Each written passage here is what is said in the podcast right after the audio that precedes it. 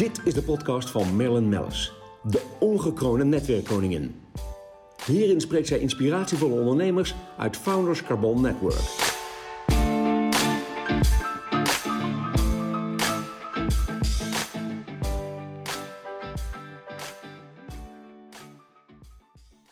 De podcast wordt mede mogelijk gemaakt door Blenheim Advocaten.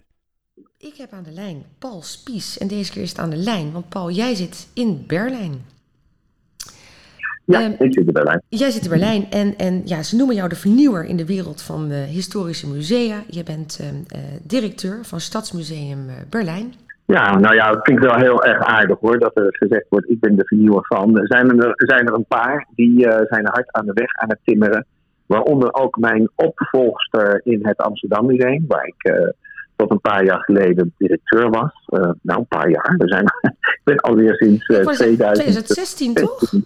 Ja, ja, 2016 ben ik alweer hier. En Ja. ehm, een opvolger, Judith Kiers, ehm, met, met haar eh, collega eh Margriet Schavenmaker, die zijn ook eh, ongelooflijk innovatief bezig in het Amsterdam Museum. Ja, nou toevallig weet Ja, ik daar dat- natuurlijk, daar weet ik natuurlijk alles van, want wij kennen elkaar uit het Amsterdam Museum, omdat we daar, omdat ik daar natuurlijk ook in, in het bestuur zat. Ehm, en jullie ken ik ook, volgen we nog steeds op de voet. We hebben ook vaak events ook samen, maar sterker nog, Paul. Ik eh, ga jou ook nog bezoeken in Berlijn met eh, mijn eh, Founders Carbon Network leden. Ongelooflijk Wel. bijzonder dat wij van jou persoonlijk een, een stuk rondleiding krijgen. En ook, maar ik, ik Ja. begreep overigens dat je als je een dag uittrekt, dat je het nog niet redt. Maar laten we beginnen bij het begin, Paul. Want je bent vertrokken naar Berlijn nadat je jarenlang een, een prachtig adviesbureau runde. Eh, natuurlijk ook met, met, met focus op cultuur. Inderdaad, directeur ben geweest met Amsterdam. eh, toen nog, heette het nog Historisch Museum, nu Amsterdam Museum. Ehm, en toen kwam Berlijn. En ik kan me de woorden van jou nog herinneren dat je zei...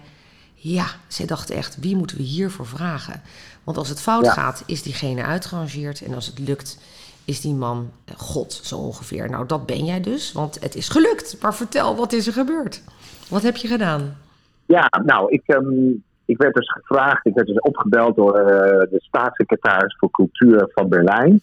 En dat had ik helemaal niet verwacht. ehm, of ik niet wilde solliciteren op de functie van directeur van de stadsmusea, de historische stadsmusea van Berlijn. En toen heb ik hem dus heel eerlijk gezegd: nee, ik heb geen interesse. Kijk, ik ben geboren getogen, getogen Amsterdammer.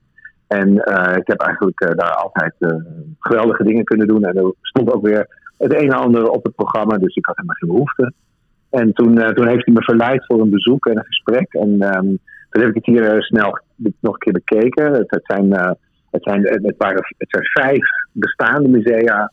Ehm, en die, die zijn allemaal een beetje, ja, ik, ik zou het willen zeggen, achterstallig onderhoud, noem ik het maar. Ja, Ehm, en, en eentje die er dan aankwam, en eh, die is dus eh, inderdaad geopend afgelopen juli. En dat is een grote tentoonstelling. En dat is een grote tentoonstelling eh, over de wereldgeschiedenis van Berlijn Ja, in het is- het, ja sorry. Humboldt-forum.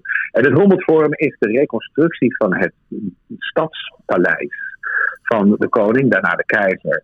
Die dus kapotgeschoten is in de Tweede Wereldoorlog. En toen heeft de DDR, die, eh, die vond dat een verkeerde geschiedenis, hè, de aristocratie en zo. Ja. Dus die hebben dat het paleis toen afgebroken en ehm, toen kwam er een ander gebouw voor in de plaats. En eh, dat zat vol met asbest. Dus na de muurval werd dat afgebroken. En toen stond er een lege plek. En toen hebben ze eh, besloten hier met een kleine meerderheid in het parlement dat dat gebouw terug moest komen en dat de functie moest eh, krijgen van oord, eigenlijk plek waar de wereldculturen elkaar ontmoeten. Nou, en Berlijn kreeg daar een stuk van, van dat gebouw, namelijk 4.500 vierkante meter op de eerste verdieping, de mooiste verdieping. En er moest een tentoonstelling komen en daar zochten ze dus een eh, persoon voor die die tentoonstelling zou kunnen maken, maar die ook de andere stadsmusea zou leiden, zodat er een goede afstemming zou zijn tussen dat verhaal in dat Humboldt-forum, in dat slot, Ja. en de rest, die andere gebouwen. Nou, en ze konden klaarblijkelijk in Duitsland daar niemand te vinden, of ze hadden er geen vertrouwen in. Nu zijn ze gaan zoeken in het buitenland en toen kwamen ze bij mij uit. En dat gesprek waar ik dus toe verleid was, ehm, Mhm. dat had ik anders ik had gedacht, dit is gewoon een kennismaakgesprek. Ik wilde eigenlijk mijn oude, mijn oude functie opnemen. Ik had eigenlijk zin om hier adviseur te worden vanuit Amsterdam. Ja. En, toen, ehm, en toen hebben ze me dus die baan aangeboden. En ik was dus echt heel verbaasd. En toen zag ik wel wat van potentie die enorme oppervlakte in dat enorme gebouw, midden, midden, midden in de stad. Ja, want wij over, over wat voor oppervlakte hebben we? Want ik heb het op de kaart gezien. Het is gigantisch. Ja, 4,5 vierkante. 1000 vierkante meter. Om even te vergelijken, als, je de goederenzaal van de beurs van Berlage kent, ja. met al die zijraadjes, eh, zal ik maar zeggen, die er al vastzitten, dat is 1000. Dus dan heb je 4,5 keer die goederenzaal van de beurs van Berlaag. En dan gaan we nog de hoogte in. Ja, het is echt of En het is zo mooi geworden. Want ja, wij gaan natuurlijk zelf ja. aanschouwen. Maar het is, een, het is eh, authentiek. Het is modern. Het is en, en nou ja, goed, en dan hebben we het nog niet eens over de inhoud gehad. Want eh, je, je las ook wel eens in de krant. Ik, ik las een prachtig stuk ook in de Volkskrant over jou. Je- Jij was ook, ook bij de, op televisie. Een prachtige docu- documentaire is er over jou gemaakt. Het is echt zeer de moeite waard om dat na te kijken. Trouwens, over. Dat is eigenlijk jouw gezin gevolgd eh, de afgelopen vijf jaar. Ja. Het is best Ja. een gewaagde expositie ook. Over de geschiedenis van Ja. de stad Berlijn natuurlijk. Ja, zeker. Het is een kritische eh, benadering van de Berlijnse geschiedenis. En het probeert, kijk, als, als dus de wereld centraal staat in het gebouw, hè, want daar zitten bijvoorbeeld de etnologische collecties in, op de tweede en derde verdieping. Dus als de wereld centraal staat, dan moet je natuurlijk in een tentoonstelling over Berlijn het ook echt hebben over de relatie van Berlijn met de wereld. Ja. En de wereldgeschiedenis van Berlijn. En dan kom je ook uit op ehm, allerlei eh, diversiteit in de stad. Je komt uit op van, ja, wie is er vanuit de wereld hier naartoe gekomen? Wat is er met die mensen gebeurd? En op welke manier heeft Berlijn invloed genomen op de wereld? Ja. Nou, dat is dus niet altijd een mooie geschiedenis geweest. Hè? Nee. Dus ik hoef de Tweede Wereldoorlog maar te noemen. Maar ook bijvoorbeeld de koloniale tijd. Dat was een beetje een vergeten hoofdstuk van de Duitse geschiedenis. Die heeft ook maar, tussen aanhalingstekens, 40 jaar geduurd. Maar die was in Afrika nogal heftig. En dat wordt nu allemaal wel opgerakeld. En men, men is dus heel erg bezig hier ook om na te denken over van welke positie heeft eigenlijk zo'n stad als Berlijn in de wereld en eh, wat kun je doen? Ja. Nou, en dat geldt natuurlijk ook voor Amsterdam en voor New York en Londen enzovoort. Maar als je dus eh, de gelegenheid krijgt om je te concentreren op dat verhaal, zo van ehm, zo'n stad als Berlijn, als, een- eh, als, als, een spin in het web of, of, of midden in dat netwerk of een knooppunt, hè, al dat soort begrippen, Ja. dan, ehm, dan ga je het opeens natuurlijk ook hebben over een heleboel dingen die in de geschiedenis ehm, gebeurd zijn, waar je, waar je nu rekenschap van moet, eh, moet maken. Ja. En dat, dat, dat gebeurt met de tentoonstelling, dus die tentoonstelling is kritisch, die tentoonstelling is confronterend. Er wordt ontzettend veel verteld wat mensen die veel weten van de geschiedenis niet weten. Want we hebben heel veel stemmen aan het woord gelaten Ja. die dus onbekend zijn. Dat zijn, dat zijn bijvoorbeeld minderheden of dat zijn verhalen van mensen die dus ehm, ja, niet helemaal passen in soms een nationaal verhaal, ehm, maar een internationaal verhaal. En het internationale verhaal, dat is ehm, soms niet zo, niet zo rooskleurig. Hè? Dat, dat zijn, nou goed, en dus dat, dat, dat kan ik dus als Nederlander makkelijker hier vertellen Ja. dan menige Duitser. Want de, de Duitsers zullen zeggen van dus nestvervuiling. en ehm, in mijn geval, ik ben gehaald Ja. om, eh, uit Nederland om, om een eerlijke geschiedenis neer te zetten. Nou, dat heb ik dus ook gedaan. Nou, voor mij wordt dat door eh, bijna iedereen wel geaccepteerd. Maar er zijn natuurlijk ook mensen, en die storen zich eraan. Want die denken van, ja, maar waar is nou het, eh, ik zal maar zeggen, het succesverhaal van Duitsland? Ja, nee, ja, dat begrijp ik. Ja. Eh, waar is het succesverhaal van Duitsland? En, en, en dat, dat zit er best in hoor, want we hebben het over ontzettend positieve aspecten, zoals eh entertainmentindustrie. Maar er wordt tegelijkertijd ook, hè, want hier kan je altijd dansen. Hè? In Ja. Berlijn, dat zegt Dus is 24-7, hè? Ja, je begrijpt dat Ja, we ook 24/7. daarvoor komen. Grapje. En, en precies, hè, Ja. voor de clubcultuur. En, Ja, en maar voor het is de fantastisch. Ja, de- dus, zeker. eh, Noem het maar op. Hè. Dus Ja. dat wordt allemaal ook verteld. Maar ja, het wordt ook verteld. Van, ja, wat zijn dan eigenlijk ook de kritische elementjes die je daarbij kunt eh, zeggen? Want ja, het is, het is nou eenmaal zo dat ehm, zo'n stad. Ja, dan weet je, dat, dat, is, dat is een soort van afspiegeling van de wereldgeschiedenis. En die wereldgeschiedenis, die, eh, ja, die, je merkt het nu ook weer. eh, met wat we allemaal meemaken in de Oekraïne. Je moet je ontzettend bewust zijn van hoe kwetsbaar eigenlijk we met z'n allen zijn. Ehm, als er ergens anders in de wereld iets gebeurt, dan eh, hebben we daar Ja, want. Precies, want en hoe kwetsbaar je bent. En, en maar daarnaast ook eh, dat er zoveel andere factoren meespelen. Als je nu kijkt naar de Oekraïne, hè, we zullen er verder inhoudelijk dan maar niet op ingaan. Maar waar het, eh, waar het natuurlijk ook op strookt, is dat. Ga terug naar 1990. Wat zijn afspraken Ja. geweest? Ja. Eh, waar Ja. hadden, we, waar hadden we het anders kunnen doen? We moeten hier meteen ook onze learnings Ja. uittrekken. En ehm, dan begrijp je ook meer. Niet dat je het goedkeurt. Maar dan begrijp je ook meer welke acties er zijn ondernomen nu en waarom het is nu zoals het is.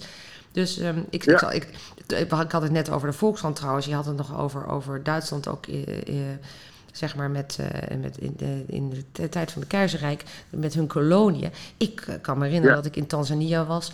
En dat ik inderdaad ja. erachter kwam dat dat één van hun koloniën was. Maar dat, dat heb ik me echt nooit, nooit, nooit geweten. Dat, uh, die hebben ze dus verloren nadat ze de Eerste Wereldoorlog hadden verloren. Toen, zijn, toen die, die, die uh, kolonieën zijn afgenomen. En um, dat was natuurlijk een soort van compensatie. Hè, die dus de andere Europese landen en Amerika afdwongen. Um, dat, toen is Afrika dus het waren nog een keertje herverdeeld. En het is helemaal niet zo lang daarvoor namelijk um, uh, in de jaren 70 van de 19e eeuw, dat Duitsland überhaupt in, uh, ik maar zeggen, de koloniale uh, geschiedenis stapte. Omdat Bismarck opeens besloot, die had net Duitsland bijeengesmeed, die besloot dat hij toch maar wel um, vanwege grondstoffen, vanwege materiaal, ja. um, uh, in de wereld kolonieën wilde hebben die die kon leegzuigen voor, voor hun grondstoffen. Precies. En um, nou ja, dat heeft dus 40 jaar geduurd en toen was het voorbij. En de, de, dit land heeft dus de contacten met Afrika grotendeels verloren uh, in 1918. Uh, maar dus ook de hele onafhankelijkheidsbeweging van na de Tweede Wereldoorlog is aan het voorbij gegaan. Dus ook de, de emigratie van Afrikaanse mensen in de jaren 60, 70 die wij kennen um, in Europa, uh, van onze kolonieën, die heeft niet hier plaatsgegrepen. Dus je ziet hier eigenlijk vrij weinig zwarte mensen op straat. Ja. Je ziet ze wel, want ze zijn dus gekomen via, nou, toch wel een klein beetje van heel vroeger, maar het zijn hele Duitse mensen. Ja. En uh, je ziet ze natuurlijk van de laatste tijd, van de vlucht uit Afrika, van de laatste decennium, uh, van, de, van de laatste periode. Um, maar dat is uh, vergeleken met Amsterdam, Rotterdam, maar noem het maar op, is dat dus een, uh, een kleine hoeveelheid mensen die je op, in het straatbeeld ziet. En toch um, is die geschiedenis. En, en, en, en de mensen die er dus uh, mee te maken hebben, die vragen wel om herinnering, dus ook een herinneringscultuur. En um, zo'n tentoonstelling kan dat niet meer overslaan. Die kan niet zeggen van ik ben nu in een gebouw dat gaat over de wereld. En ik vertel niet over die tijd dat die banden met uh, die landen er waren. Want um, dat zijn, het, zijn, uh, het is een, een vergeten hoofdstuk in de geschiedenis die wel heel veel gevolgen heeft gehad. Hè? Jij noemt Tanzania, maar je kunt ook Cameroen noemen, Togo ja. en Namibië. Oh ja, ook dat nog.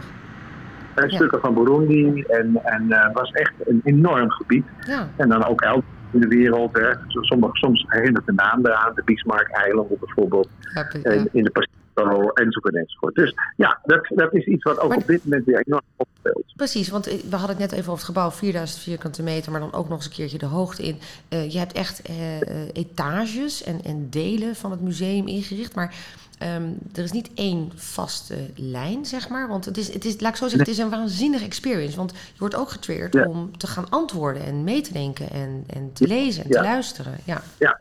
Nou, een kleine correctie. Het Humboldt Forum is dus inderdaad uh, vier etages. En um, in totaal, moet ik even goed zeggen hoor. In totaal um, 24.000 vierkante meter. Wow. Van die 24.000 vierkante meter bespeelt dus het Stadsmuseum. Ja. En dat is dus een, een, een, een, instelling van, van het land Berlijn. Hè. Berlijn is een stad, maar tevens ook een land. Net zoals Hamburg dat is en Bremen. Ja. Um, dus het land Berlijn heeft dus 4.500 vierkante meter van die enorme oppervlakte, dus het enorme gebouw. Wij vertellen het verhaal van de wereldgeschiedenis van Berlijn. En er zijn andere musea in hetzelfde gebouw getrokken. Waaronder het Museum voor Ethnologie en het Museum voor Aziatische Kunst. En dan heeft de, ik zal maar zeggen, en de universiteit heeft nog een afdeling. En dan is er nog een soort van overkoepelende organisatie. En die heeft de, de tijdelijke tentoonstellingszalen. Dus als jij naar het Humboldt Forum gaat en je wil alles zien dan heb je echt aan een dag te weinig. Tenzij, je holt. Ja. En die tentoonstelling van ons, die hebben we nu zo gemaakt, bij Lean Global heet die tentoonstelling, dat je daar in principe in anderhalf uur makkelijk doorheen moet kunnen gaan. Dan ja, heb je niet alles gelezen, maar nee, dat verwacht ik ook helemaal van dan de mensen. Maar de boodschap, ja. hè, de, boodschap de is helder. Ja. ja. Mooi. En dan, en dan heb je nog wat energie over om nog naar een andere verdieping te gaan, om uh, wereldculturen te zien. En nou, dat is dus uh, een hele andere sfeer. Wij hebben een hypermoderne tentoonstelling gemaakt. We hebben echt heel veel multimedia, heel veel belevingsarchitectuur. iedere ruimte heeft een vormgeving met een wow-effect. Dus we, we, proberen wel enorm veel, ik maar zeggen, mensen te bereiken. En niet alleen maar de mensen die gewend zijn om naar musea te gaan en die altijd heel erg gewend zijn aan het, het verhaal uh, het is altijd weer te begrijpen. We hebben echt een tentoonstelling gemaakt waar bijvoorbeeld um, nou, mensen die niet zo vaak naar het museum gaan, maar ook jonge mensen die worden echt heel graag. Ja.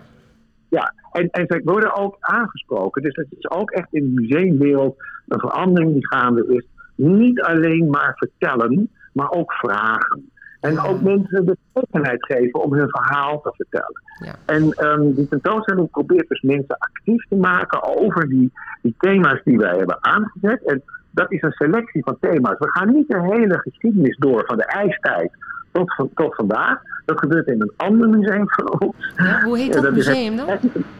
Merkensjes Museum, ja, onmogelijke naam. Merkensjes Museum. We gaan niet eens verklaren waar die naam vandaan komt, maar dat gaat natuurlijk veranderd worden. We gaan dat verbouwen, ook daar. Er is ook veel geld voor. En dan gaat het gewoon Berlin Museum heten. Ja, je, Dank je wel. Ja, je, die naam, die naam hebben we. Die, we hebben, die, die hebben we dus uh, van, nee, van, dus van, klaar. Van, dus het is klaar. Maar Merkensjes vertelt dus die, die chronologie.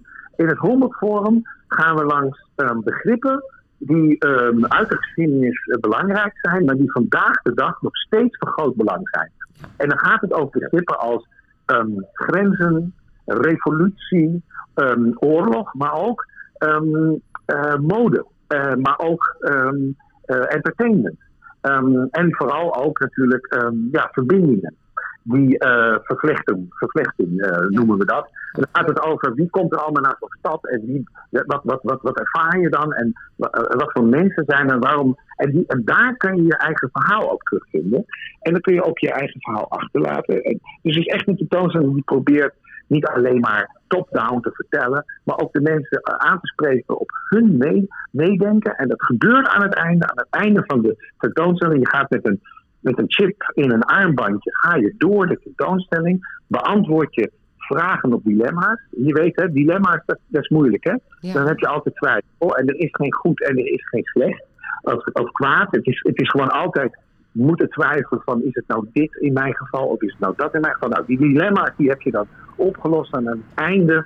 Dan kom je uh, in contact met anderen en dan kan je praten over van, ja, welke waarde eigenlijk voor jou niet belangrijk is. En we hebben vier belangrijke waarden voor alle culturen in de wereld hebben geselecteerd. En die vier belangrijke waarden, die hebben we echt wetenschappelijk laten uitzoeken, laten ontwikkelen, zal ik maar zeggen. Ja.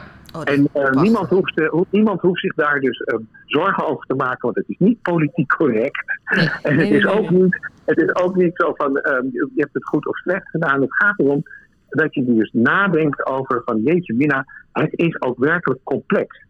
En complexiteit moet je omarmen. Complexiteit moet je gewoon aangaan. En je moet, moet met mensen in gesprek gaan. En um, omarm die complexiteit. En daarmee is het dus eigenlijk ook een beetje een tentoonstelling.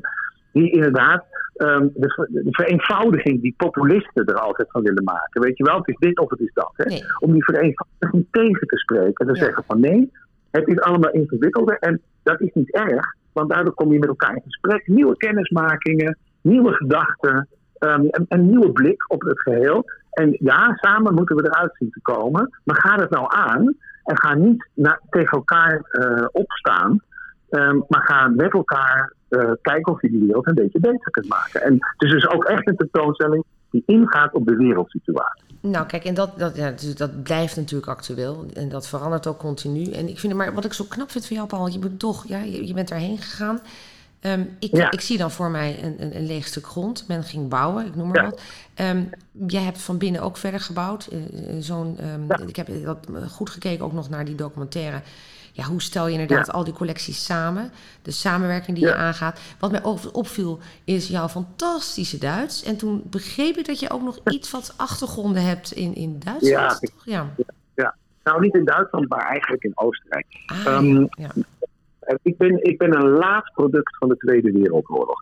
Mijn vader was als student ehm, in arbeidseinsatz, dus in, ehm, ik kan maar zeggen, in gedwongen arbeid in Oostenrijk. Ja. ja.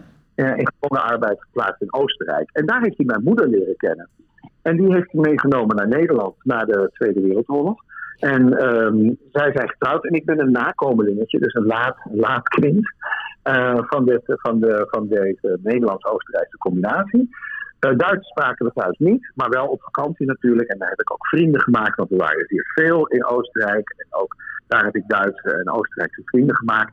En ik noem mijn Duits dus ook altijd als mensen ernaar vragen uh, Feriendeutsch. Ja, Feriendeutsch. Dus ja, ja, precies. Ja. En dan, dan kijken ze me altijd vreemd op en dan zeg ik van ja, ik heb mijn Duits eigenlijk op vakantie geleerd. Ja. En ik hoop dat het hier ooit een keertje in het woordenboek terecht. Ja, ondertussen hoor ik geloof ik weer een vliegtuig overkomen bij jou. Ja, je, nee, niet bij mij. Oh, oh Nee. oké, dat is het hier inderdaad. Hier is geen lawaai. Ja, ik heb Alle ook, lawaai ik heb ook heerlijk voor die oortjes in. Dus ik zit hier heerlijk op kantoor op de Koningslaan in Amsterdam.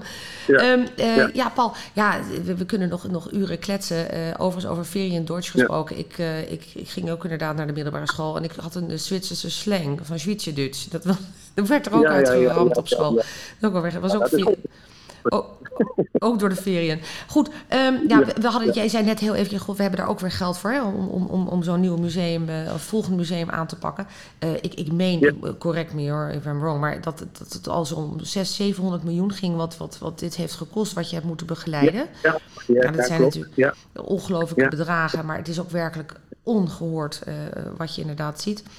Ehm, zijn Ja. er nog dingen waarvan je zegt, nou ja, dat wil ik echt nog even kwijt, dat men dat weet? Want eh, ik Ja. heb al menigeen geënthousiasmeerd om naar eh, Berlijn te gaan. En natuurlijk, eh wat geestig, vanuit mijn bedrijf Burkhardt hadden we dan weer het jeukenhotelletje en het mooie restaurantje. En dan kwam de vraag, wat gaan wij daar doen? Nou, het Humboldt Forum, natuurlijk fantastisch.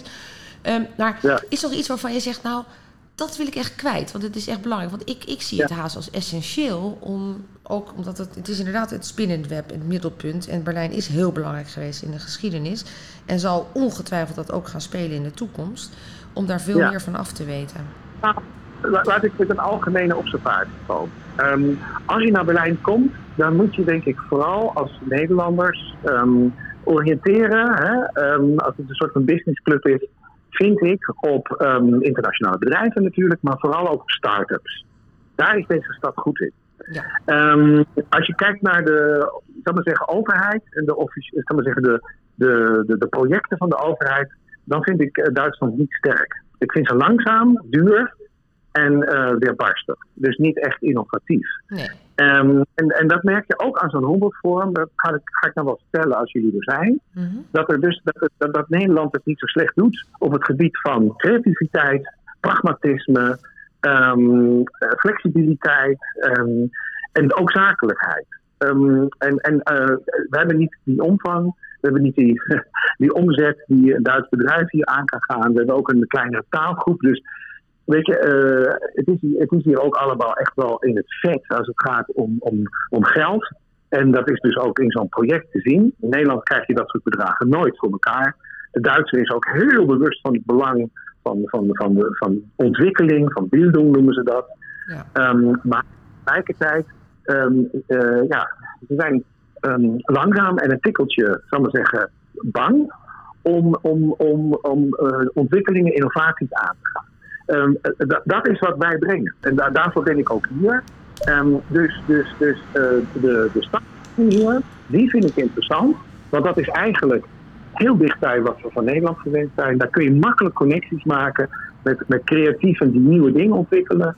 Ehm, en die moet je dan bij wijze van spreken naar Nederland gaan halen, als het zover is. Want bij ons kunnen ze eigenlijk heel erg tot wasdom komen, omdat ze dan op een gegeven moment moeten ze de slag maken naar de grote markt. En dan moeten ze een poot in Duitsland houden, want de omzet is hier geweldig, de Ja. ondersteuning kan hier heel goed zijn financieel. Maar, maar ik kan maar zeggen, om, om door te gaan met je pragmatisme, met je, met je creativiteit, met je flexibiliteit, Nou, hij is Ehm, ook een mooie eh, voedingsbodem. Precies. heb je echt Ja. een Nederlandse. Dus de connectie Duitsland-Nederland is echt een hele goeie. Ja. Wij brengen dingen die hier niet zo goed kunnen. En zij hebben voor ons dingen, zoals ook opleidingsniveau. Ehm, ik bedoel, eh, vergeleken met, met Duitsers zijn wij lui. Zij zijn ongelooflijk arbeidszaam. Ja. En ze zijn ook Ja. echt studeren tot aan het gaatje. Dus ze weten het ook allemaal echt heel precies. Dus die combinatie van onze lossigheid en hun degelijkheid is denk ik een hele mooie combinatie om succes te ontwikkelen. Nou ja, ik, ik moet je zeggen, nou, dat hebben ze dus heel goed gezien om jou daar naartoe te trekken. Uh, hè, om dat prachtige eh, museum nu daar neer te zetten. Maar ik denk dat je gelijk hebt. Ik vind het zo'n mooi woord ook, het Duitse woord lokker. Ja, dat is het. Ja. Dat is wat wij zijn als Nederlanders. wat meer lokker en, en daardoor, ja. En toch passen we dus inderdaad goed bij elkaar. Dat is onze cultuur. En die cultuur ontbreekt echt heel vaak. En uh, alleen van Nederlanders tegenwoordig in elk geval. Van Nederlands kunnen ze dat heel goed hebben. Dat vinden ze eigenlijk ontzettend fijn. En dan moet je ook die rol spelen. Dus ik speel hier echt nadrukkelijk de Nederlander die het niet aanpast. Want anders heb je het Precies, ja. Nou ja, dat is ook. Je, je speelt, je viel namelijk net eventjes weg, maar je speelt inderdaad een Nederlander. Uh, en die rol pak jij op en dat wordt ook volledig geaccepteerd. Dat is wat ik begrijp. Exact, zo is het. Ja, ja. mooi. Ja. Nou, Paul, we gaan besluiten. Ik dank je enorm voor je tijd. We zijn alweer een half uur verder. Ja. Uh, we zien elkaar binnenkort. Uh, ik dank je heel hartelijk voor, uh, voor het meedoen aan deze podcast weer. We hebben een prachtige, prachtige serie van podcasts. En nou, ik vind dit er eentje met een gouden randje. Dank je wel. Dank je wel. Deze podcast werd mede mogelijk gemaakt door Blenheim Advocaten.